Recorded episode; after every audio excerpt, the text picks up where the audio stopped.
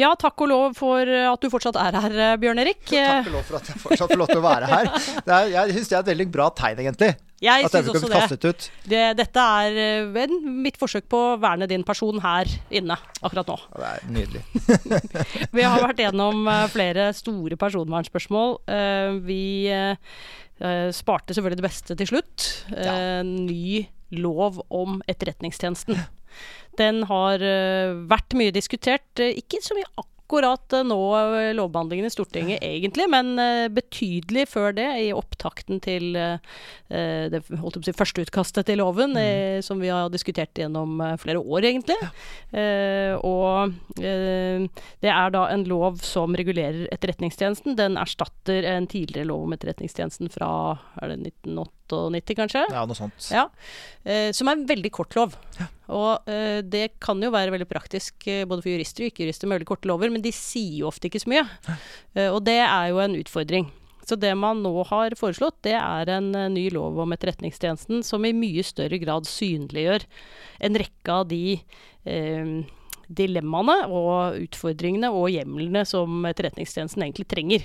Så det har jo den uh, udelt positive siden at man får rammet inn den uh, myndighetsbruken som foretas uh, av den tjenesten, og får synliggjort det og får diskutert det på en god og demokratisk måte. Og den prosessen frem mot denne loven, den må vi kunne si egentlig veldig mye pent om tror jeg. Fordi har, ja. noen ting har gått veldig gærent eh, på noen punkter. Og det har oppstått utrolig mye kritikk på holdt si, førsteutkastet til den loven. Eh, og det kan man jo si bare er veldig veldig negativt, da, at noen lager så dårlig mm. lovutkast. Men uh, jeg er jo eh, optimist og ser positivt på verden, så jeg uh, har i grunnen tenkt at det som skjedde der, var egentlig ganske vakkert. Det, det ble jo, Den kritikken som kom, var ramsalt. Da kunne man jo bare gått rett til forsvar. Eh, de er jo tross alt Forsvaret. Um, men det gjorde man ikke da. Da hørte man på blant andre Datatilsynet, Norges institusjon for menneskerettigheter, det var mange og presseorganisasjoner, mange som har kommet med veldig gode innspill. Eh, som man rett og slett satte seg ned samvittighetsfullt og jobbet med og laget mm. et mye mye bedre utkast, det må vi si. Mm. Det er eh, kommet på plass sikkerhetsmekanismer som ikke var der. Det har skjedd utbedringer, klargjøringer, tydeliggjøringer av grenseflaten mot, eh, mot PST, andre ting. Eh, E-tjenesten, Etterretningstjenesten, er altså én av flere hemmelige tjenester. Det er de som eh, jobber med utenlandsetterretningen, mm. altså trusler mot Norge uh, utenfra. Så har vi Politiets sikkerhetstjeneste, som er på en måte politiets uh, organ som jobber inne i Norge. Og så har vi Nasjonal sikkerhetsmyndighet. Um, mens eh, de to andre de er jo rammet inn på sine måter, og Politiets sikkerhetstjeneste selvfølgelig. Eh, mens E-tjenesten har jo Det er jo færre egentlig som har noe befatning med hva de driver med i det hele tatt. Så det å få åpnet opp den prosessen, eh, veldig bra. Ehm, den kritikken også som kom i første runde, var jo ikke bare fra si, de som skal drive og passe på rettighetene våre. Det var også fra de som skal drive og passe på sikkerheten vår, nemlig Riksadvokaten og PST eh, selv. Ehm, men altså et forbedret eh, utkast som kom nå. Det som har skapt mest kontrovers, eh, i tillegg til at det i det hele tatt eh, skjer eh, etterretning eh, på våre vegne, og noen prøver å ivareta sikkerheten vår på, en måte vi ellers ikke tenker så mye på, det er jo dette systemet for at de skal kunne gjøre det, som kalles for i denne runden så kalles det for tilrettelagt innhenting. Ikke digitalt grenseforsvar, som det het uh, før. Uh, kjært eller fryktet barn har mange navn. Um, hva er tilrettelagt innhenting, og hvorfor er dette problematisk i et personvernperspektiv? Jeg syns jo det er eh, Jeg må bare si noen ord om, om, eh, noen ord, om ord først. Ord om ord er fint. Ord om ord, fordi vi, eh, vi kalte jo dette for digital masseovervåkning, vi. Fordi tilrettelagt innhenting, det høres jo utrolig snilt ut. Uh, og jeg driver og telt ord i proposisjonen, bruker overvåkning. Vi kan komme litt tilbake til det etterpå. Uh, men jeg syns jo det er tilslørende å kalle det bare for digital uh, tilrettelegging, for dette er jo overvåkning av folk. Men det det i realiteten er, det er at man da Eh, skal overvåke eh, trafikk, datatrafikk, all mulig trafikk eh, ut og inn av Norge. Og det som går på kabler. For veldig mye av den kommunikasjonen som vi har i dag, det går jo på kabler. Eh, og jeg vet at jeg kommer til å få kjeft av de som er veldig teknisk inne inni dette. Eh, for det jeg kommer til å si nå uh, Når vi diskuterte dette på personvernpodden, Anine, så var det noen som kastet seg på og var rasende fordi jeg ikke hadde vært presis nok når jeg beskrev det. Hva var det du sa for noe galt? Jeg sa ikke det som var helt presist, og jeg kommer til å si akkurat det samme som jeg sa den gangen nå, for det er mulig å forstå.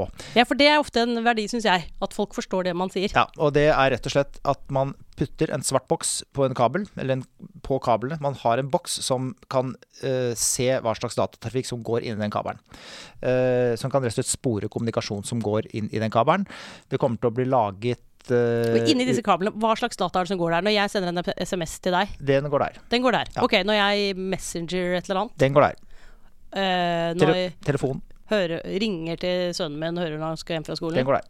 Alt sammen. Veldig mye godt. Veldig, veldig, og grunnen til at uh, all uh, diskusjon som vi har på uh, sosiale medier eller telefon eller andre ting her inne i Norge, vi er norske borgere og mm. egentlig kommuniserer med hverandre, den går i kabel på tvers av landegrensen vår. Hvorfor det? Den, det, er så, det, er rett og slett sånn dette er skrudd sammen. Det er sånn det moderne teknosamfunnet funker. Dette er internettet? Dette er rett og slett det store internettet. og det er telefonkommunikasjonen også. så hvis jeg sender en SMS til deg nå. Eh, vi sitter vel omtrent ja, vi sitter i god smitteavstand fra hverandre. Så uh, ville den med kanskje noe sånn som 70-80 sikkerhet ha tatt en sveip innom utlandet. Gått i denne kabelen som vi snakker om, blitt fanget opp av den svarte boksen. Jeg vet jeg får kjeft for dette. Mm. Og så ville det havnet i et lager, et datalager, som E-tjenesten bygger opp, som er et metadatalager. Og metadata, det handler jo ikke om at jeg sier til deg at jeg syns at Anine er en veldig kul og flott dame. Det kan de godt få fange opp for meg, altså. Ja, ja, ja. Men nå vet jo alle det, så da, da kan de godt fange det opp. Men det vil si at jeg har eh, sendt en melding til deg. Uh, og, så det er på en måte adressaten utenpå konvolutten, ikke brevet inni? Ikke inni i brevet. Det er det. Så en veldig god analogi, egentlig, selv om vi kommer til å få kjeft for den også. Jo, jo, men, men, det, uh, men det blåser vi. Ja. ja. Så, og det er klart, med den, all den kommunikasjonen vi har i dag, i uendelig mange kanaler, med uendelig mange selskaper som på en eller annen måte blir da pålagt å tilrettelegge, som det heter, for at E-tjenesten skal kunne fange opp denne kommunikasjonen. Det er veldig, veldig mange. Eh, så vil mye av Er det alle teleselskapene og gitt? Det er teleselskaper. Vi har stilt spørsmål om eh, kraftselskaper. Vi har stilt spørsmål om finn.no, som jo har også en chattefunksjon eller en meldingsfunksjon. Du skjønner at den er ute etter å finne noe, da. Den sier jo det selv. Ja. Finn.no. Ja, ja, det ligger jo i navnet, det. Men ok, så de, men der uh, lagres det da utrolig mye sånne konvolutter med adresser på. Masse. Og så uh, kan E-tjenesten søke inni det lageret? Det kan de gjøre. Og, der, og der begynner sikkerhetsmekanismene å komme inn. Ja, for da må de eh, ha rettslig kjennelse først? Kjennelse fra domstoler.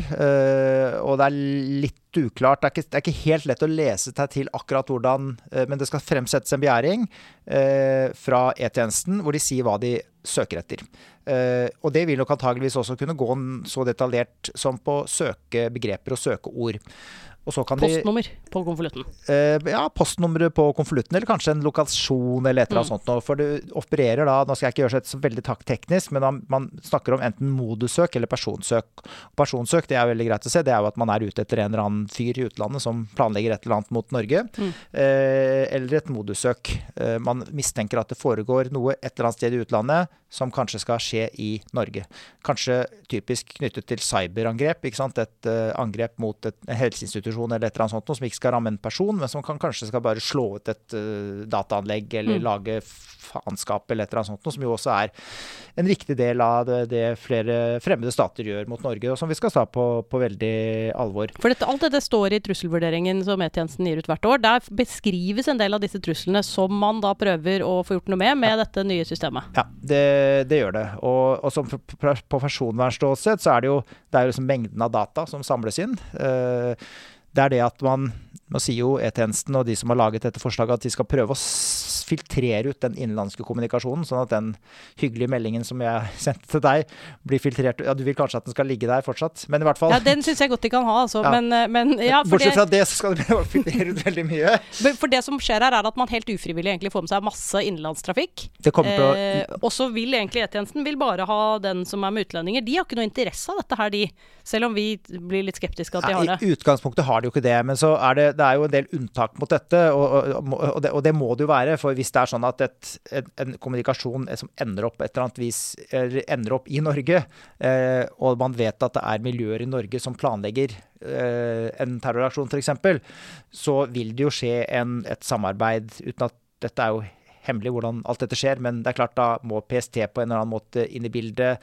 Da er det vel en avvergingsplikt. Ja, for der kom, og det, der er dette lovforslaget litt tydeligere nå enn det var i første omgang, ja. nemlig den grenseflaten mot PST. Og der sier vel også nå kontroll- og konstitusjonskomiteen i innstillingen sin at det de forutsetter at uh, man lager en oppdatert sånn samarbeids... ja.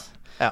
variant for, det, for det, akkurat den grenseflaten der. Også, også, og, det, også, og, det, forstår jo alle, at det, det, må det være. Man kan ikke liksom leve i, i, i skott. Man må, må uh, ha et samarbeid. Men som det helt klare utgangspunkt, når det ikke er veldig avvergelsesplikt, så skal man ikke bruke disse dataene her på den måten. Man skal ikke bruke Dette er jo altså mest i det forebyggende sporet. Det skal ikke brukes i straffesaker som bevis i straffesaker. Så de har Ja, for der er det bevisforbud, rett og slett? Ja. ja. Så det er ganske mange sikkerhetsmekanismer er mange sikkerhetsmekanismer prøve å demme opp, av opp. Nedsidene, men Men det som jeg syns er det mest kanskje alvorlige med det, det er jo at uh, Det er jo at uh, lovforslaget for oss fremstår fortsatt som veldig uh, Altså veldig uklart hva det er egentlig som omfattes, hva slags data som kommer til å havne inn i dette. og vi forsøkte jo eh, siste gangen, nå bare for en uke siden omtrent, i eh, Stortinget å utfordre komiteen på å innhente svar på f.eks. spørsmål som uh, vil chattetjenestene til bankene, vil finn.no, uh, vil chattetjenestene til reiseselskaper eller flyselskaper uh, bli fanget opp av E-tjenesten? Og Det er jo veldig sentrale spørsmål før det sier noe om inngrepets omfang. Uh, og en ting som ofte trekkes fram, og det tror jeg de omtrent samtlige høringsinstanser som var og snakket på Stortinget forrige uke, trakk jo også fram uh, forholdet til nedkjølingseffekt. Det betyr altså at man ikke ønsker, eller tør, eller vil kommunisere fordi man er redd for at uh, i dette tilfellet Etterretningstjenesten faktisk på en eller annen måte lytter til hva det, du har å si. Uh, ja, det er jo den, den, nedkjølingseffekten. Dette snakket vi jo litt om i den, uh, da vi var hos deg og snakket egentlig om den samme loven, uh, Bjørn Erik. Men det, det, er jo litt sånn Det er jo en sånn størrelse som både er utrolig viktig For tanken er jo der vi snakker helt fritt sammen, for vi lever i et land med stor tillit, og det går fint. men straks vi vet at noen lytter til det vi sier, så legger vi bånd på oss. Og ja. det er mange ting vi ikke vil si på samme måten.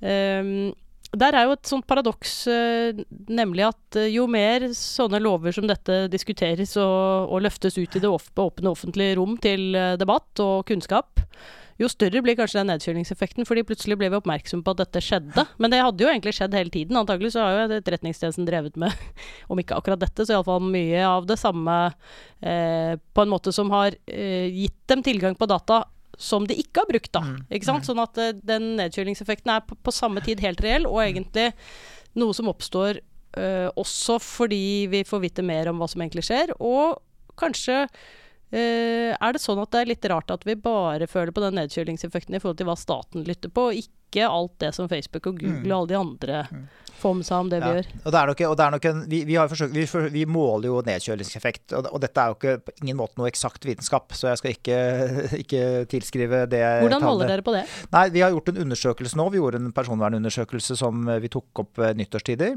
Eh, hvor vi spør masse spørsmål om kjennskap til lovverk, og om man har brukt rettigheten til, eller retten til innsyn og sletting og de tingene der sånn. Men vi hadde også et spørsmål som gikk mer på den kommersielle nedkjølingseffekten, for å si det sånn. Om du har vært usikker i en handelssituasjon pga. hvordan dataene dine behandles, og så har du latt være å handle. Det kan jo være både rasjonelt og fornuftig å, å la seg nedkjøle på akkurat det der. Eh, nå har jeg ikke med meg de tallene nå, men, men de tallene er høyere enn den nedkjølingseffekten eh, vi ser på eh, det polisiære området. Vi stilte et spørsmål, og det lyder som dette. Har du gjort noen av de følgende aktiviteter fordi du er usikker på om myndigheter som politiet, PST eller Etterretningstjenesten kan få tilgang til informasjonen? Eh, og da er det 16% som sier at de har unnlatt å delta i kommentarfelt hos en nettavis. 16% som har unnlatt å delta i en debatt på eh, Facebook. Det er 13% som sier at de har betalt kontant istedenfor kort. Eh, og ulike typer spørsmål av den, mm. eh, den karakter, da. Og det som er vanskelig å vite her, er jo holdt på å si, den underliggende kunnskapen til de som svarer på dette. Svarer de det de gjør fordi de er klar over hvordan systemet fungerer, eller svarer de det de gjør fordi de ikke er klar over hvordan systemet fungerer? Ja, det- fordi de er det- redd for at eh, det skjer noe helt annet enn det som egentlig skjer. Det, det vet vi jo ikke, og, og rasjonalet til de som svarer. Altså om dette er bygd på erfaring. Eh, jeg vil vel si kanskje ikke. Eh, om det er bygd på en antagelse eller manglende kunnskap, eller en bevisst Eller en, en reell redsel. Eh, altså Her kan det være mange varianter, men, men og vi skal ikke vi som, jeg bare får gjenta det, vi skal, ikke, vi skal ikke overdrive tall som dette, men jeg syns det gir noen ganske interessante pekepinner, eller en interessant pekepinn på hvordan dette kan gå. For 16 høres ikke så innmari mye ut. Men hvor mange prosent i et samfunn skal legge bånd på seg for å si at vi ikke har en reell ytringsfrihet lenger? Er det 16% Er det 25% Er det 7 Dette Men hva er det de tror da? Det vet vi jo ikke, som, som sagt. Men hva er det de tror? Tror de at det er Etterretningstjenesten som misbruker de dataene de får, eller tror de at de deler dem med politiet på en eller annen måte, eller Det, det kan sikkert være begge deler, Ja. eller uh, alle tre. Det, det, det vet jo ikke folk, og det vet jo ikke vi. Altså, vi. Dette er jo systemer som vi ikke har kjennskap til, og som vi heller ikke skal ha kjennskap til. For at uh, aksepten for at både PST og E-tjenesten opererer i hemmelighet, er jo betydelig. Det er jo hele poenget med å ha hemmelige tjenester, at de skal da opptre i hemmelighet. Eh, men, men selve den usikkerheten et, Den usikkerheten et uklart regelverk fører med seg, vil jo etter min oppfatning kunne bidra til mer og større nedkjølingseffekt. Men hva er alternativet her, da? Hvis man skulle tenke seg denne vi har jo, Nå det jo, ligger jo an til at det blir dissens eh, i Stortinget, i hvert fall Venstre og Sosialistisk Venstreparti, kanskje også Rødt, tror jeg nå, eh, mener at eh, denne, dette systemet tilrettelagt innhenting det griper så mye inn i personvernet at det er de ikke villige til å være med på. Hva er eh, alternativet der? For eh, Mitt inntrykk er i alle fall at grunnen til at man ber om dette, det er at man har ikke kommet opp noe bedre teknisk løsning. Og hvis man ikke har det, så er man litt sånn den gutten i gata som har sprettert når alle de andre har fått seg luftgevær, på en måte. For det, alle etterretningstjenestene rundt oss har mulighet til å gjøre dette her. Og det har også de ikke så greie eh, statene, selvfølgelig. Og de ikke så greie ikke-statlige aktørene. Sånn at eh, man blir på en måte stående litt eh, arsenalløs, da. Du kan bli stående litt alene, men, men vi, vi vet jo Altså vi, jeg og vi i Datatilsynet har jo ikke oversikt over alternativer. Eh, og vi vet jo heller ikke hvordan systemene fungerer i andre land. Det vi, det vi nok kanskje kjenner best til, er det svenske systemet, som eh, jo heter FRA-loven og signalspaning. Som er et system som er, etter hva jeg forstår, sånn relativt likt det vi har i Norge, i hvert fall. Og så har de andre varianter i Storbritannia, eh, blant annet, hvor jeg tror det er et mye mer inngripende system, og hvor også flere myndigheter kan bruke de samme dataene. Det Må dvele litt ved det, for der er det et par saker gående i Menneskerettighetsdomstolen som Ja. begge er avgjort, eh, og som begge vel skal hjem for storkammer, eller Ja, er, de er behandlet i storkammer, så men vi venter på Ja. dommene Ja. derfra. Hva er rettstilstanden her, da? Uh, ja, den er jo uklar. Men vi hvis vi per nå? har, eh, ja, Per nå så har det jo sagt at man kan ha altså det, det er legitimt å bruke data til å overvåke befolkningen. For det, det er et legitimt inngrep uh, etter EMK. Bulkinnsamling, altså denne ja. type Men så er grensen altså hvor langt man skal kunne gå i det, da. og, Og der kommer disse sikkerhetsmekanismene inn. Ja, og så kommer også, sånn som de har sagt i noen dommer, det har vel spesielt vært knyttet til PSTs og politiets bruk, og ikke etterretningstjenestens bruk. Det er jo Eh, ganske stor forskjell. Ja, men allikevel så har de kommet med Nå er jeg litt usikker på om hvor langt om det har kommet noen uttalelser også i e-tjenestesammenheng som snakker om at man må ha, liksom, man man må ha formål, man må ha avgrenset personkrets. Ikke sant? Det må være en forutsigbarhet over hvem som egentlig kan overvåkes. Uh, og det er også en av angrepspunktene, uh, sånn som jeg husker det fra et besøk vi hadde hos en av de som hadde saksøkt uh, den svenske staten, at det var rett og slett for stor uklarhet knyttet til personkrets, omfang, tid, rom av de dataene og hva de kunne brukes til. Og vi er jo veldig spent på eh, utfallet av de sakene. For det er jo i noen grad en sånn menneskerettsspagat man står i. Altså det er så lett å tenke at frihetsrettigheten, i dette tilfellet personvernet, er menneskerettigheten. Men her har jo staten også en positiv forpliktelse til å sikre borgernes liv. Sånn at uh, man har jo i noen grad en uh, Altså det vil jo alltid være mulighet for å gjøre inngrep i personvernet på visse vilkår når det er nødvendig og proporsjonalt, men her har man jo holdt på å si på den vektskålen også behov for ivaretakelse av den andre menneskerettigheten. Mm. Ja, og der, og der kommer jo inngrepets Altså hvor stort dette inngrepet er, og man kunne gjort det alternative, på alternative måter. Eh, og det har vært snakket bl.a. om man skal sette eh, ikke svarte bokser på, eh, på, alle kabler ut og inn av landet, men at man skal flytte det altså nærmere bedriftene. Sånn at det ikke går på utenlandstrafikken, men bare nærmere bedriftene. Sånn at man overvåker trafikk som kommer f.eks. inn i Helse Sør-Øst. Eh, og da kan man ta de som skal drive cyberangrep mot Helse Sør-Øst eh, f.eks. Det kalles VDI, kalles det systemet der. Mm. Eh, det har vært snakk om at man skal begrense formålene E-tjenesten skal bruke disse dataene til. Eh, det er nok sånn at man samler inn mindre persondata hvis man skal forhindre terrorangrep Nei, unnskyld, cyberangrep enn en terrorangrep. Eh, det har vært snakk om at man skal kunne Og man kunne f.eks. tenkt seg at man skulle kunne eh, beskyttet eh, kildevernet bedre. Ja, for det er en av de eh, tingene som Altså nå, når denne poden sendes, så har dette vært gjennom Stortinget. Men det var en av de tingene som i hvert fall jeg syns var pussig at det ikke var mer nevnt i innstillingen fra komiteen. Mm. Det var jo akkurat det kildevernspørsmålet. Ja. For det, situasjonen er jo da eh, Hvorfor er dette problematisk for kildevern? Hva er egentlig kildevernet? Jo, det er jo den muligheten man har til å gå til mediene med ting man mener er veldig viktig, uten at noen skal vite at det var du som gikk til mediene med det. Mm.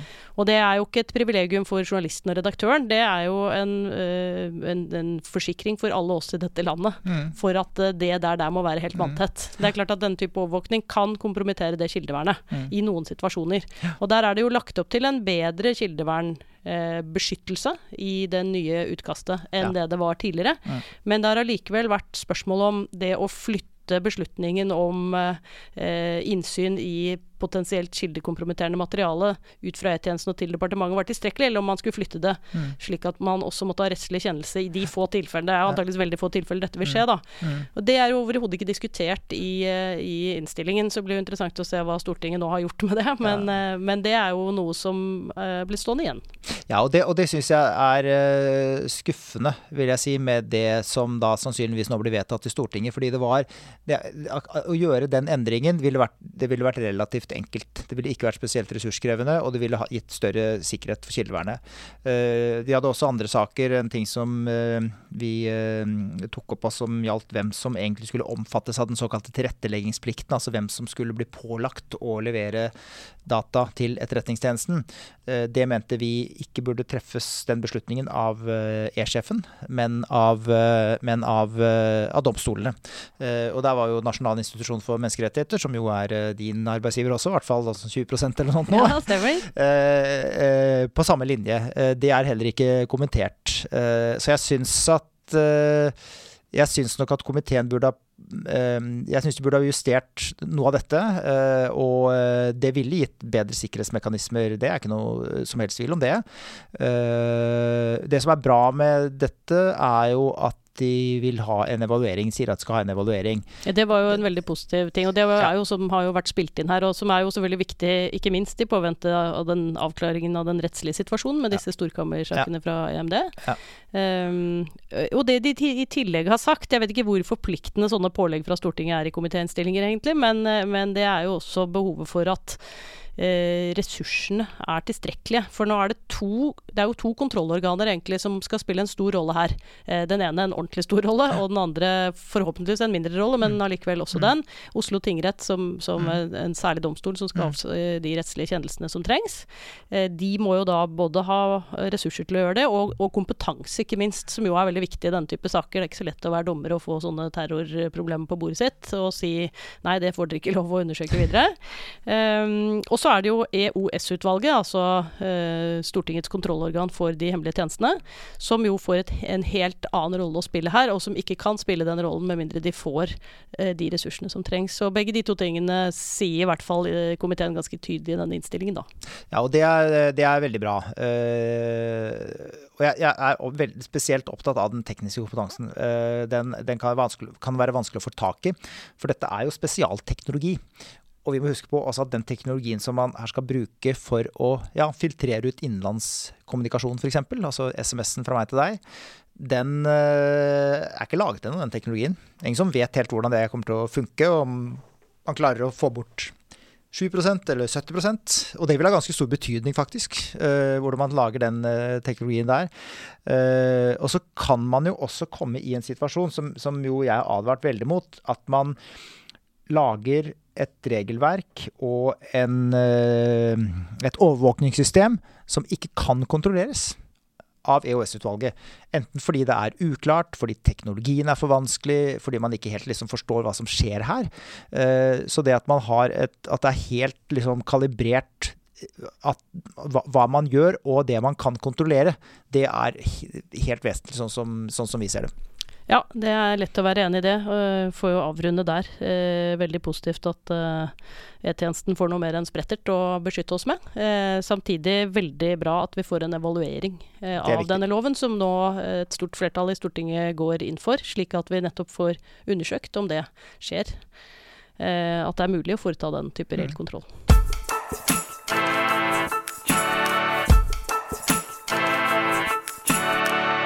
Kjære takk og lov-lytter.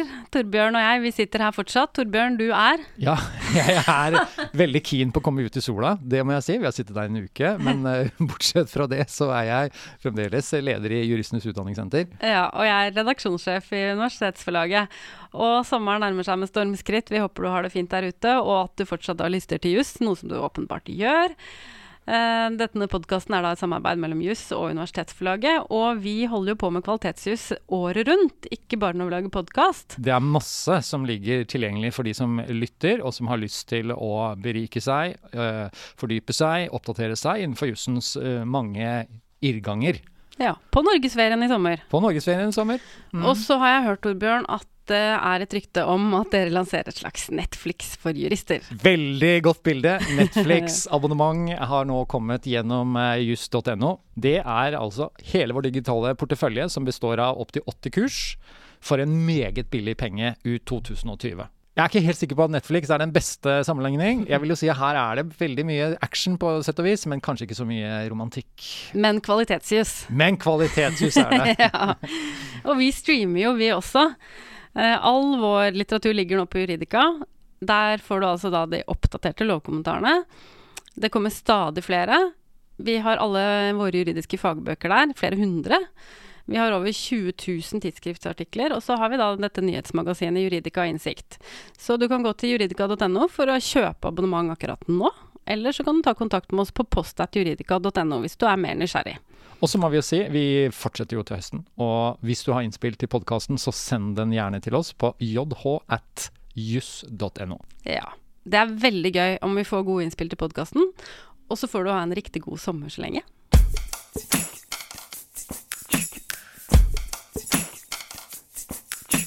Flott. Eh, tusen takk skal du ha, Bjørn Erik. Eh, vi har vært gjennom utrolig mye og egentlig ganske kompliserte ting. Eh, vi pleier å avrunde med, på en litt lystigere tone.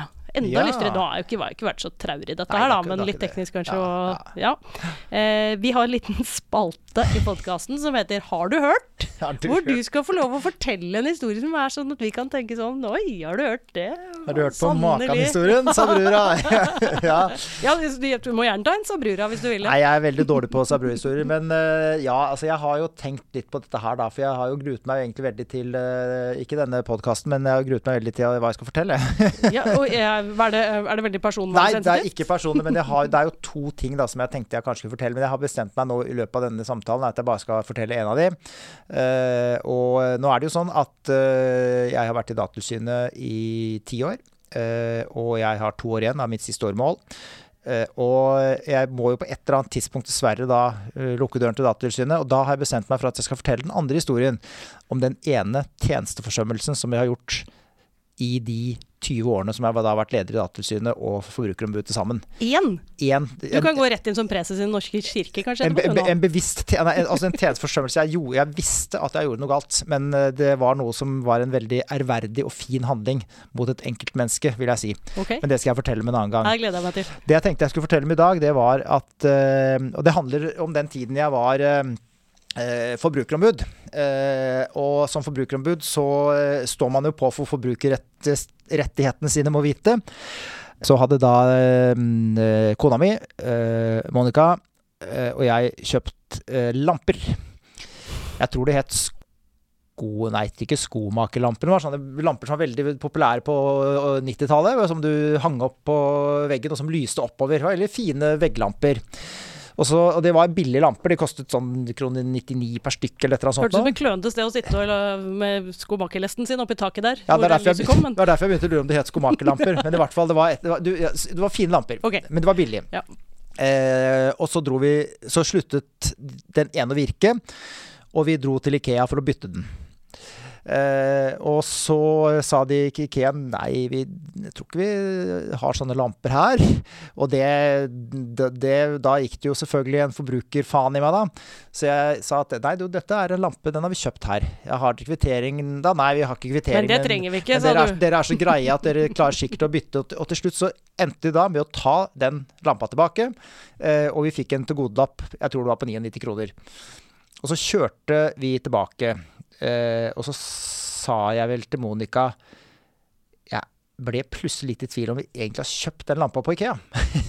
eh, og så snakket vi oss sammen, og så fant vi jo ut at vi hadde kjøpt den lampa på Bohus. Men jeg syns jo det var en veldig god ja, det, var, det, er jo en forbrukersuksess å klare å bytte en lampe på Ikea som jeg ikke hadde kjøpt på Ikea.